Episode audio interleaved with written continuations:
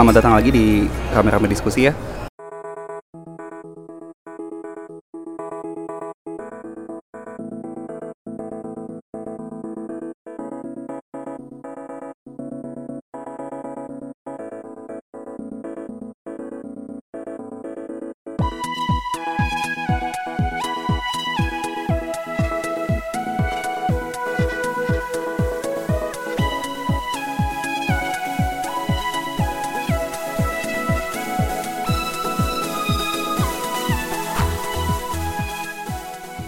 Masih sama Radio Rakyat Delusi dan lagi-lagi nih episode yang gue nge-hostnya sendirian nih.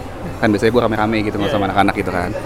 Nah, tapi lagi-lagi juga nih ada ada bintang tamunya nih. Bintang tamu nih. Eh, kita kedatangan Mas Novaro ya. Halo halo, gue Novaro. Eh, kelihatan garing gak sih kalau berdua doang ya? Enggak sih, nggak apa-apa kayaknya. Nah, mungkin pertama gue mau ngucapin selamat dulu nih. Soalnya kan MV apa Rhapsody ya? Betul. itu kemarin udah tembus satu juta view kan?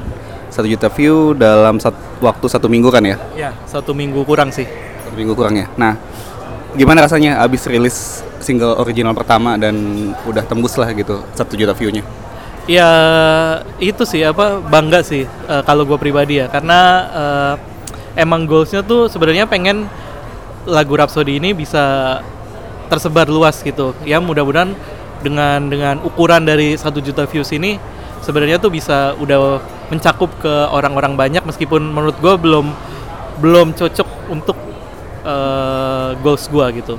Oh oke. Nanti mungkin goalsnya Rhapsody atau yang lain kita bahas lebih lanjut ya. Ya. Mungkin eh, sebelum masuk ke Rhapsody gitu, mungkin kalau ada yang nggak tahu nih teman-teman Novaro itu siapa sih gitu? Perkenalan dulu kali ya. Siapa sih Mas Novaro ini? Eh, jadi gimana, Mas Novaro saat ini di JKT48 tuh menjabat sebagai apa lah gitu? Ya kalau gua gua gua kenalan nama lengkap dulu kali ya. Gua Novaro Wisnu gitu. Eh, biasa orang tahu Mas gua Wisnu, bukan? enggak enggak. Ya itu Mas Wisnu kalau di apa JKT Fit namanya. Oh, gitu. itu manggilan padahal padahal dari awal gua nggak nggak pernah memperkenalkan diri pakai nama itu gitu. Pakai bom bom. Bom bom biasanya bom bom. Sekarang kalau gua posisi gua sih eh kalau di JKT itu production manager sebenarnya namanya. Tapi kalau misalnya di kalau di agensi lain, di agensi atau di kantor lain itu sih bias, bisa disebut project manager. project manager berarti ya. Nah, lo kan berarti eh kalau yang gue tahu nih, lo kan masuk apa sih sekarang namanya Jot apa a- apa? Iya sih, iya. Bukan bukan JKT48 apa de Densu gitu, bukan. Ya sebutannya yang semua staff JKT sih ya bisa disebut JOT gitu, JKT48 Operational Team.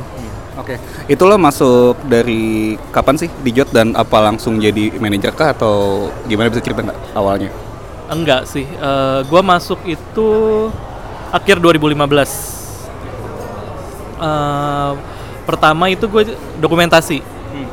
Habis itu gue jadi production man- manager ini baru setahun, setahun terakhir.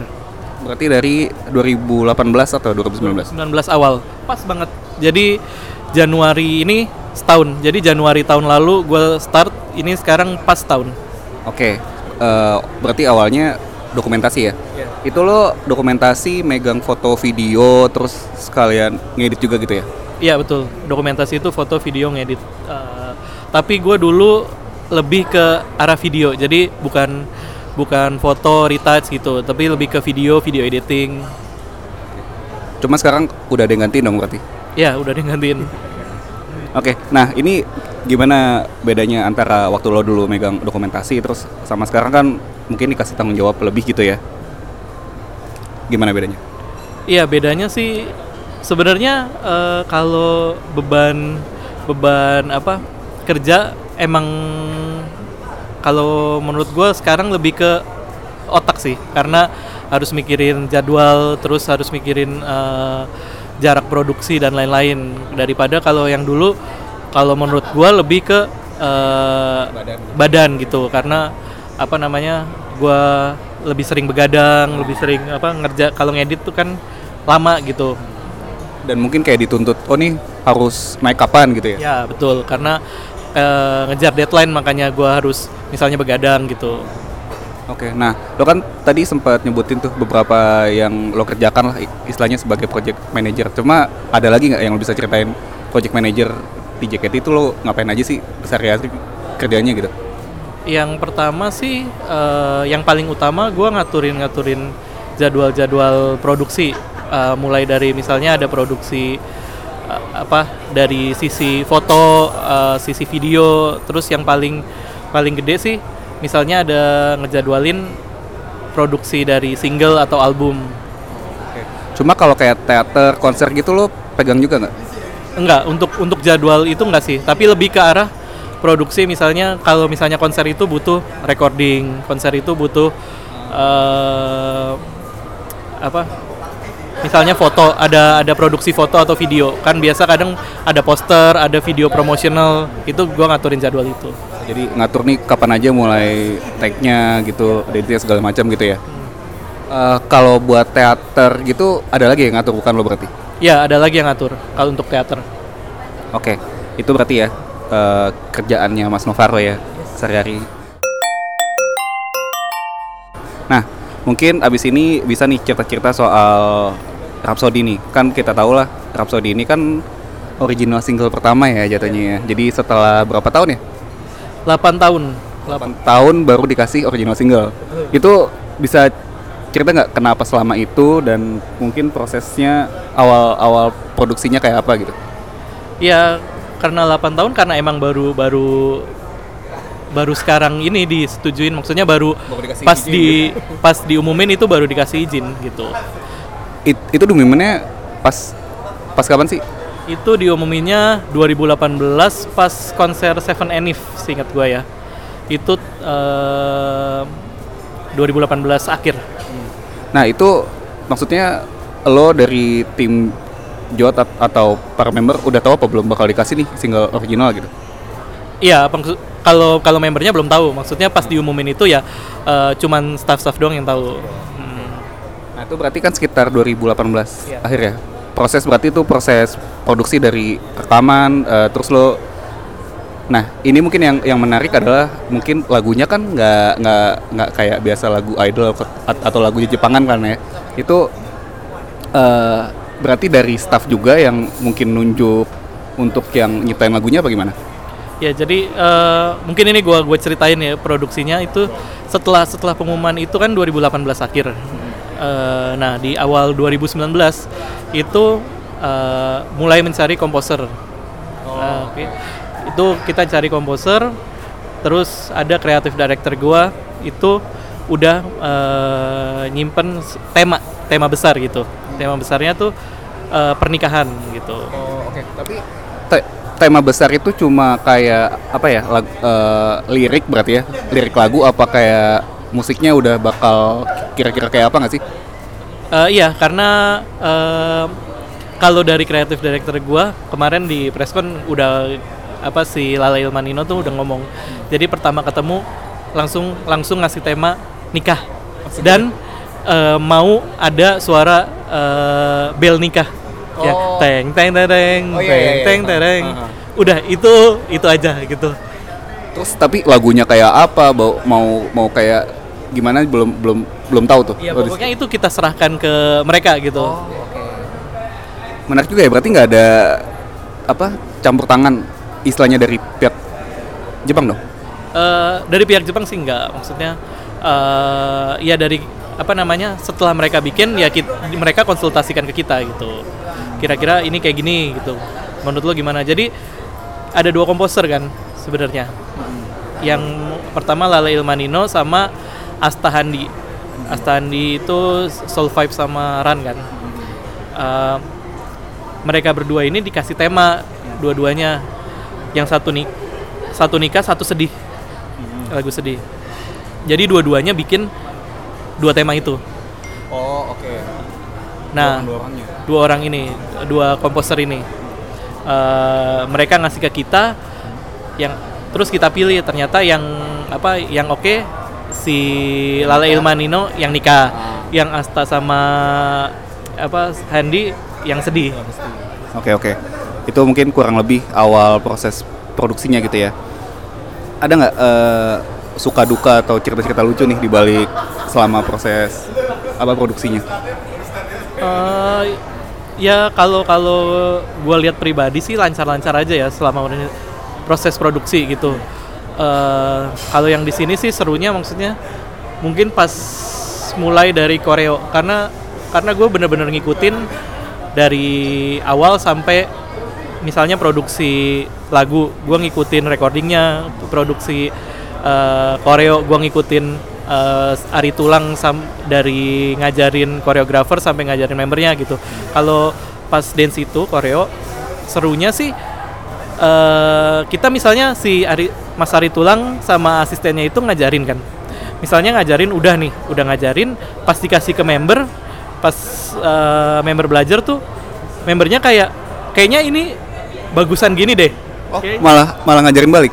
bukan ngajarin balik tapi maksudnya eh apa lebih lebih nyaman kayak gini misalnya koreonya gitu jadi ada ada ada respon dari bukan bukan cuman kita ngajarin aja misalnya koreografernya bukan cuman ngajarin tapi membernya ikut Oh, ikut ngasih apa ngasih idea masukan gitu masukan Ah, gitu iya, iya. enakan kayak gini gampangan gini kayak gitu Cuma itu eh, sebenarnya udah pernah kerja sama-sama Ari Tulang apa baru sekali ini? Enggak, itu kita baru sekali sih kerja. Mungkin maksudnya untuk koreo ya. Kalau sebenarnya sebelumnya sama Ari Tolang sih udah udah apa namanya pernah istilahnya jadi jadi guru guru di event Ramadan. Oh oke oke. Jadi udah pernah sebelumnya cuma kalau buat koreo baru baru buat Rhapsody aja ya. Nah ini kan udah selama kurang lebih seminggu ya, udah mulai tayang di Spotify juga udah naik ya, Udah. berarti ya. Eh, se- sejauh ini Li, tanggapan yang lo lihat dari fans atau yang masyarakat umum kayak gimana soal Rhapsody ini? Eh kalau yang gue lihat ya mayoritas sih positif mayoritas. Maksudnya eh ya pasti pasti ada yang negatif juga tapi mayoritas sih ada pada suka gitu. Maksudnya eh sesuai sama telinga mereka gitu. Karena emang emang dari awal kan emang kita tuh eh, milih Lale Ilmanino karena buat eh, biar lagunya tuh Indonesia banget loh. Maksudnya or dimasuk di kuping-kuping orang Indonesia Paling yang negatif-negatifnya, aduh nih lagu nggak idol banget nih, terus kayak apa ya? Gue kemarin sempat baca-baca, aduh nih gue kalau mau bikin apa kayak mix apa chance-nya gimana ya? Ya itu sih paling itu sih ada beberapa yang ngomong kayak gitu yang oh ini nggak bisa di nih gitu. Tapi ya apa kalau kita sih emang emang dari awal eh, pengennya bukan tujuan utamanya tuh pengen banyak orang yang denger dan eh, apa nyaman gitu dengerinnya gitu. Jadi mau apa ya? Menyasar mengfans juga gitu kali ya? Ya betul. Maksudnya biar lebih luas eh, orang tuh tahu JKT48. Cuma eh, udah pernah dibawain live di depan fans banyak belum sih ini si Rhapsody? Udah, eh, kan pertama kali dibawain tuh di konser at Enif di akhir 2019 kemarin. Nah kalau itu kan fans mungkin belum belum tahu kan lagunya. Kalau yang pas udah tahu, udah pernah belum dibawain lagi live? Apa di teater ya? Udah eh, live itu kemarin di Indosiar eh, apa untuk pertama kalinya di TV tuh di Indosiar di Januari. Kalau kalau di teater juga suka dibawain nggak sih? Di teater eh, jadi setiap show setelah tanggal rilis itu eh, Rhapsody jadi bonus song terus. Oh, Oke. Nah, eh, kan apa ya? Gua atau kita tahu lah kalau misalnya fans-fans itu kan suka pada kreatif, apalagi di Jepang sih. Jadi kalau lagu apa aja kan mix atau chant gitu kan aw- asalnya dari fans gitu kan. Ini lo udah lihat belum ada chant atau mix buat lagu Rhapsody? Kalau sekarang-sekarang ini kayaknya sih belum lihat, tapi maksudnya eh, mungkin lebih ke arah ngikutin backing vokalnya. Oh. Ada ada yang oh kasihku Oh, udah- kayak udah. gitu. Udah ada yang bikinin gitu Iya. berarti ya. Berarti cukup kreatif nih fansnya, mantap. Nah, eh itu mungkin tadi dari tanggapan fans ya. Eh, nah, masih ngomongin Rhapsody, harapan lo nih atau ada goal khusus nggak soal Rhapsody ini? Mungkin eh, tadi views udah gitu play atau ada lagi nggak dapat award kah atau apa gitu? Iya, kalau ini ini dari gua pribadi sih ya pengennya sih kayak gitu ya. Maksudnya dapat awards, dapat eh kalau masuk charts di digital, digital pla- platform gitu mas macam Spotify, Joox atau App- iTunes Music, Apple Music. Di di Spotify masuk gak? Di Eh, Spotify sih kalau charts belum ya, tapi masuk ke apa playlist Eh, new Mu- new music Friday sama eh, new release. Eh sorry lupa gue satu lagi. new new release apa gitu Friday kayaknya. Iya. Eh, kan soalnya sekarang mungkin kalau udah zaman sekarang mungkin liatnya di di playlist kali ya. Ya. Mungkin ada harapan masuk Billboard juga kali gitu ya. Billboard Indonesia. Oke, itu mungkin eh, dari Rhapsody itu aja. Nah, waktu itu kan gue pernah rekaman juga eh, ngebahas JKT nih. Waktu itu sama Al, sama dia sama, sama Mawan lo kenal kan ya. Di situ gue sempat nanya sama mereka karena mereka kan istilahnya yang masih suka nonton gitu, yang masih suka ngikutin JKT banget. Mungkin ini gue nanya ke lo kayak sebagai konfirmasi dari pihak Jot gimana sih gitu. Yang yang mau gue tanya adalah bedanya nih fans yang JKT-an dulu sama sekarang nih terutama setelah waktu itu ada yang masalah apa penusukan itu loh. Kan waktu itu kan jadinya kayak handshake dibatasin segala macam gitu. Ada nggak bedanya? Mungkin dari ya segi apa ya eh, in- interaksi antar fans atau gimana gitu? Oh kalau ini kalau dari interaksi antar fans sih nggak eh, fans dengan member sih nggak nggak nggak terlalu beda ya. Maksudnya kalau dari J, tapi maksudnya JKT48 pun eh, udah preventif gitu. Maksudnya kalau dulu tuh eh, pemeriksaan pas masuk teater tuh cuman dicek apa namanya body check gitu misalnya. Sekarang tuh setelah pasca itu sampai buka tas sampai lihat lihat di dalam di dalamnya ada apa gitu. Itu untuk kalau di JKT48 ya. Eh, apa kan kebetulan waktu itu gue juga pernah sempet ke AKB48 Theater apa kalau dari yang mereka sih emang lebih lebih ketat lagi gitu mereka ada ada metal detector apa gate met- gate metal detector terus dan di teaternya di depannya tuh eh, setelah row satu penonton ada pagar dulu jadi nggak langsung apa nggak langsung panggung Oke. Oke oke. Berarti kayak gitu. Nah itu kalau dari segi keamanan. Kalau fansnya sendiri lo lihat gimana antara dulu sama sekarang? Eh, ya mungkin terutama pasca kejadian itulah. Ada a- ada bedanya nggak mereka?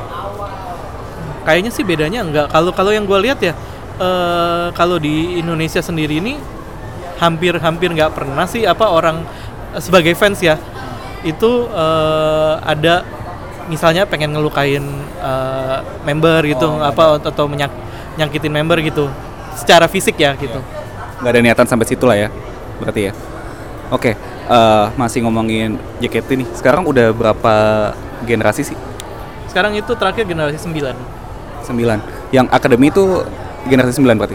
Iya betul. Eh, enggak. Jadi kan akademi ada akademi A dan akademi B. Eh, kebetulan ini eh, beberapa hari lalu akademi B itu baru tes dan untuk naik ke akademi A. Dan semua yang akademi B udah naik ke akademi A gitu. Oke. Nah, eh, itu kan kalian ngad- ngadain audisi setiap setahun sekali apa gimana tuh? Iya setahun sekali. Eh kad- enggak sih setahun dua kali sih. Setahun dua kali ya. Nah, antusiasnya nih antara dulu sama sekarang ada bedanya nggak? Apakah lebih ramai yang ngedaftar kah atau gimana? Hmm, bisa dibilang sih eh, setiap setiap apa audisi pasti rame gitu orang-orang yang daftar. Eh, tapi kalau perubahan perubahan yang kelihatan tuh makin ke sini tuh banyak orang-orang yang maksudnya banyak eh, peserta-peserta audisi itu kayak lebih lebih ambisius dalam in positive way gitu maksudnya. kalau yang gua li- kalau yang gue lihat sih kayak gitu ya. Oke. Nah, kalau itu dari apa ya antusias para calon member gitu ya istilahnya. Kalau dari fansnya sendiri gimana? Banyak yang ninggalin nggak? Ninggalin maksudnya udah nggak ngikutan nonton teater kah atau nonton konser karena kan kita tahu banyak yang udah graduate juga kan. Kalau lo lihat gimana?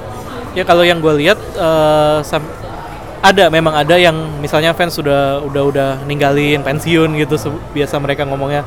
Tapi ada juga fans-fans baru yang datang. Jadi maksudnya eh, ya kita harap sih akan terus makin makin banyak yang datang, yang makin banyak yang lihat gitu. Tapi eh, pas orang orang ninggalin pasti ada sih gitu.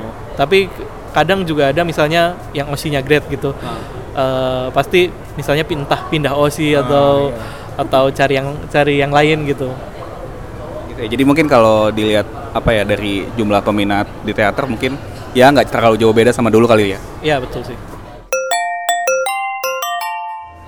Oke, mungkin kalau dari gua tanya-tanya itu dulu kali ya. Eh, gua tadi kan udah sempat nge-tweet juga tuh di twitternya RRD Lucy ya. Ini kayaknya ya eh, salah satu tweetnya RRD yang paling rame nih.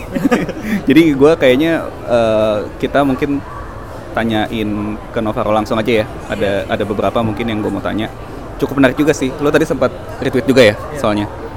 Oke, ini mungkin beberapa dari teman-teman kita juga. Gue bacain dulu mungkin. Yang pertama nih dari Mama nih di dari @heartland13 ya. XIII. Dia nanya nih, "Bang, kok Photopek jadi jarang rilis sih? Dulu kan minimal sebulan sebulan sekali."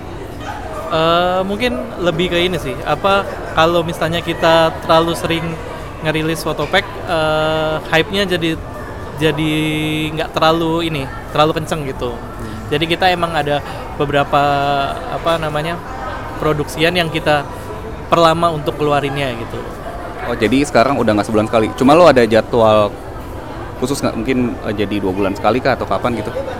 jadwal khusus enggak sih apa namanya itu tergantung dari orang merchandise kita kayak gitu dia mau mau mengeluarkan misalnya aku mau bulan ini keluar ini kayak gitu keluar fotopack ini aku mau bulan ini keluar fotopack ini kayak gitu mereka udah punya jadwal sendiri sih Gitu ya. Oke. eh bentar. Pertanyaan selanjutnya, gue harus nge-scroll dulu nih karena banyak yang nanya agak agak bercanda juga soalnya nih. Bentar ya. Eh, mungkin ini dari Ivan Christian ya. Ini host host kita juga. Kata si Ivan, menurut Mas Novaro dari sebuah dari semua ex member siapa sih yang jadi mantan terbaik atau istilahnya eh, yang udah keluar dari JKT48 tapi yang paling sukses gitu. Dia bilang eh, the one who got away-nya yang paling bagus gitu. kalau dari gue pribadi ya eh, itu melodi sih maksudnya Gitu ya? Ah. bukan karena dia kerja di Densu juga karena menurut gue lo ya maksudnya karena eh, dia tetap eh, apa menjaga entah nama baik gitu JKT48 terus lebih eh, kalau kalau yang gue lihat dia punya punya apa namanya? Punya etika sendiri gitu loh punya apa dan pride sendiri dengan eh, JKT48 gitu. Makanya gue gue sih gue kalau ngelihat dia apa kayak semacam kagum gitu. kagum gitu. Dia BTW sekarang eh, berarti kerja di Jot ya? ya Ngejabat apa sih? Masih general manager atau apa ya? general manager teater Berarti dia yang ngatur jadwal teater gitu ya? ya kayak gitu ya semacam kayak gitu Oke. Eh, ini mungkin ada gua satu satu yang gua rangkum nih ada pertanyaan dari beberapa tadi gua sempat lihat sih. Banyak yang nanya ini JKT48 Circus nih. Kira-kira kapan mau ada lagi? Itu konser di luar kota gitu ya? ya kalau soal itu gue belum bisa jawab tapi ditunggu aja Oke oke, ini banyak banget yang yang yang nanyain. Terus ada lagi dari uh, @tepen 998 dia tadi nanya ada Jakarta eh, apa JKT48 Live Tour itu mungkin kejawab di tadi ya barusan ya. Nah LO di teater itu progresnya gimana? Itu yang live ya atau gimana ya? ya live streaming eh, teater ya itu emang lagi masih preparing dari dari kitanya dan dari eh, penyedia Jasanya. live streamingnya juga kita masih prepare Tapi belum tahu kapannya ya. ya belum pasti juga itu Oke. Eh, terus dia ada nanya lagi. Oh dia ada berapa nih? Masih dari TPN 998 ya. Dia nanya, apakah single Janken nanti menggunakan lagu original atau saduran lagi?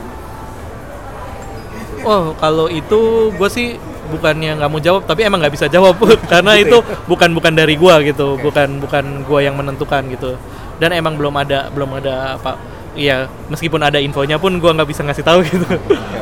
Nah kalau JKT48 itu kapan eh, akan melakukan teater sementara itu bakal ada lagi nggak kira-kira? Masih itu sih sama jawabannya. Itu tunggu aja. Sama yang si sama kayak sirkus ya? Iya. Itu teater sementara tuh yang kayak teater tapi di luar kota gitu ya? ya, betul. Oke.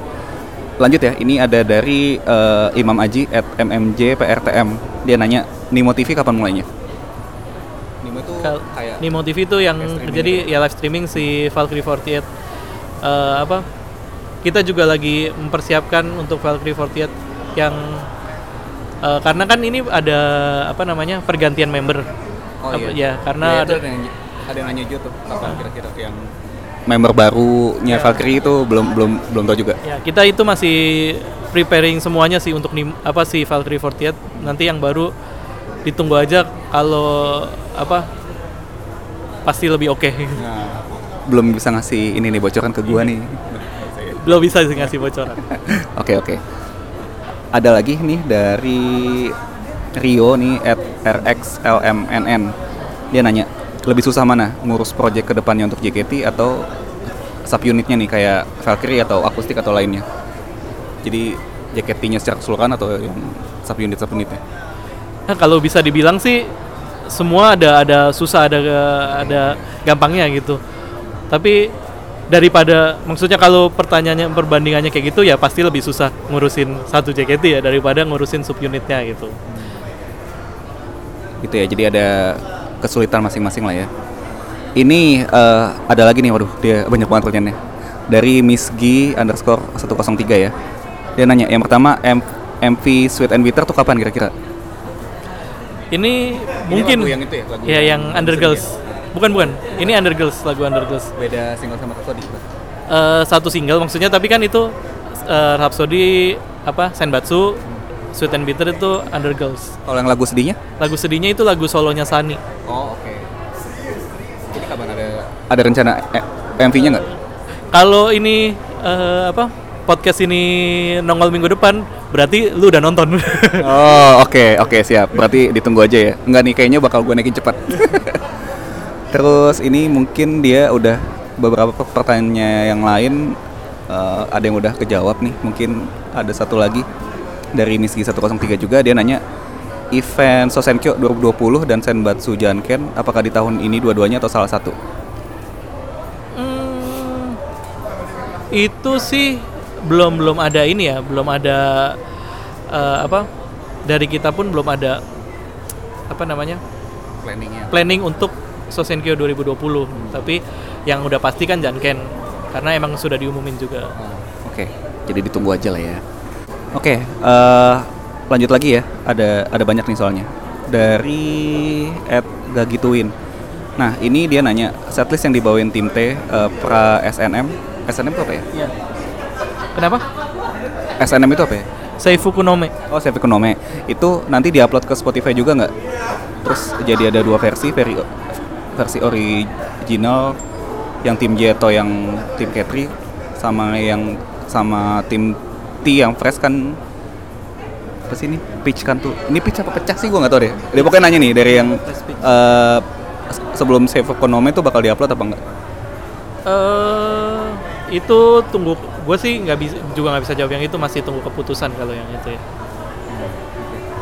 Soalnya gue tadi sempat lihat juga ada beberapa yang nanya sih eh, lagu-lagu lain itu akan at- apa ya atau album atau setlist lain bakal keluar semua nggak sih di di Iya, Spotify? karena kita karena emang kita sudah umumin karena sem- apa setlist setlist lama itu akan kita upload ke digital platform Oh, semuanya Eh, bakal ke sana. betul jadi as soon as possible emang eh, akan kita masukin semua ini kita emang lagi, eh, udah lagi preparing kok Oke, mungkin mana lagi ya?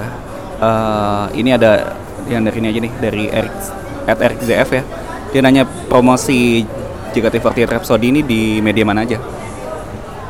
Eh, maksudnya gimana nih? Kalau kalau dari kitanya sih kita promosi di billboard itu ada di billboard satu, terus di apa Videotron di apa Menara BTN, Oh, iya, iya, iya. Taspen, terus sama di komuter lain Jakarta, Jabodetabek. Eh, komuter lain di KRL maksudnya? Ya. Itu di itunya ya, yang di video itu ya? Ya di video di KRL kan di setiap gerbongnya ada di atasnya tuh ada info kereta plus video iklan gitu. Kita di situ juga. Soalnya gue sempat lihat kayaknya ada di CNN juga ya waktu itu sempat Ya. Jadi eh, CNN kan waktu itu kita undang juga buat press release.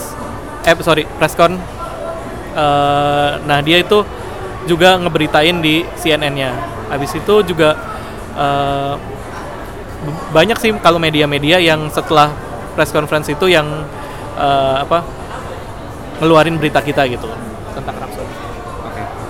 Ini mungkin yang dari tweetnya RRD yang terakhir nih ada dari @jak @jktdc ya. Dia nanya nih, mau magang di teater atau project JKT gimana mas caranya? Eh, sebenarnya kadang tuh eh, udah beberapa kali ngas ngeluarin apa eh, lowongan kerja magang gitu misalnya. Selama emang apa itu magang buat kampus kita sangat terbuka banget sih. Lu kalau mau eh, daftar ke apa official eh, apa Ope- JKT48 offici- operation team gitu. Eh, buat apa? Posisinya ada macam-macam gitu. Ya banyak sih, maksudnya eh, tapi yang yang paling sering kita tuh ada eh, di bagian ini apa dokumentasi, terus desain, eh, translate juga kadang beberapa translator kadang juga dibutuhin kadang gitu. Itu berarti harus nunggu pengumuman dari JOT dulu atau kalau sekarang tertarik langsung apply aja bisa nggak? Kadang but eh, oh sorry. kadang eh, kita ngeluarin lowongan, kadang ada beberapa kali kok orang apa eh, ngirim terus emang oh kayaknya kita emang lagi butuh nih tarik aja kayak gitu. Jadi kalau mau, kalau emang tertarik, dicoba aja kali ya langsung kirim. Kirimnya ke mana nggak? Eh, boleh tahu nggak ke mana? sebenarnya ke email, ke email gue juga nggak apa-apa sih kadang eh, kadang selalu selalu ada kok di lowongan kerja yang gue share kayak gitu email gue Oke oke oke berarti tadi eh, yang nanya coba langsung email ke Mas Bum Bum aja ya. Nah oke mungkin ini gue mau cek pertanyaan dari tweet lo tadi nih. Nov, ada mungkin yang gue mau tanya. Ada satu nih yang cukup menarik nih dari @girumon 16 nih. Dia nanya, Browis weh ini ini bro lo banget nih. Ada ada project yang khusus nggak buat kami para fans Far nih yang yang benar-benar jauh lah gitu buat ini kalau dia bilang super far mungkin di di luar Indonesia kali ya ya ya sebenarnya ya itu makanya kita ada ngasih apa project live streaming. Itu sebenarnya itu untuk mencakup ke apa fans-fans yang di luar gitu yang jauh-jauh. Mau mau jauhnya luar kota luar provinsi atau luar negeri gitu. Oh jadi mungkin bisa terobati dengan adanya live on demand itu tadi ya? Ya betul. Oke mungkin kalau dari tanya jawab itu aja. Eh, yang terakhir nih Nov ada nggak hal-hal yang ingin lo sampaikan ke fans atau lo mau promo apa nggak? Soal soal Rhapsody gitu? Ya gue atau, atau soal apa deh gitu? Ya pertama mungkin gue eh, thank you sih terima kasih gitu. Maksudnya eh, si Rhapsody ini nggak mungkin bisa bisa secepat ini viewnya dan kemarin trending cukup tinggi sih kalau menurut gue ya. Trending di eh, YouTube itu trending 15 untuk trending overallnya dan trending musiknya tuh peringkat 5 paling atas. Oke itu aja ya ada yang mau mau promosin lagi nggak kalau promosi eh, ya kalau bisa tetap promosi eh tetap promosiin Rhapsody ke orang-orang karena menurut gua apa lagu ini lagu yang sangat cocok gitu buat siapa pun gitu terutama mungkin orang-orang yang mau nikah gitu. gitu ya Eh, terus eh, bentar lagi sekitar Februari kita akan rilis CD dan DVD-nya jangan lupa beli. Oke. Itu berarti sampai sekarang baru digital apa platform doang ya? Iya betul. Oke, tuh jadi ada dari pesan pesan dari Mas Novara ya, tolong tolong dibeli nanti eh, CD dan DVD-nya di bulan Februari ya. Februari 2020. Oke, mungkin dari gue segitu aja. Makasih, makasih banget nih Mas Novara udah mau diajak ngobrol-ngobrol ya. Oke, thank you, thank you. sama sama sama sama. Gue yang thank you juga udah dikasih kesempatan buat bisa promosiin single baru ini Rhapsody. Oke deh, mungkin itu aja dari gue. Thank you teman-teman yang udah dengerin episode ini dan thank you juga semua yang tadi udah eh, tanya-tanya di twitternya @rrdelusi atau di twitternya Novaro ya. Nanti eh, kita ketemu lagi di episode berikutnya ya. Thank you, bye bye.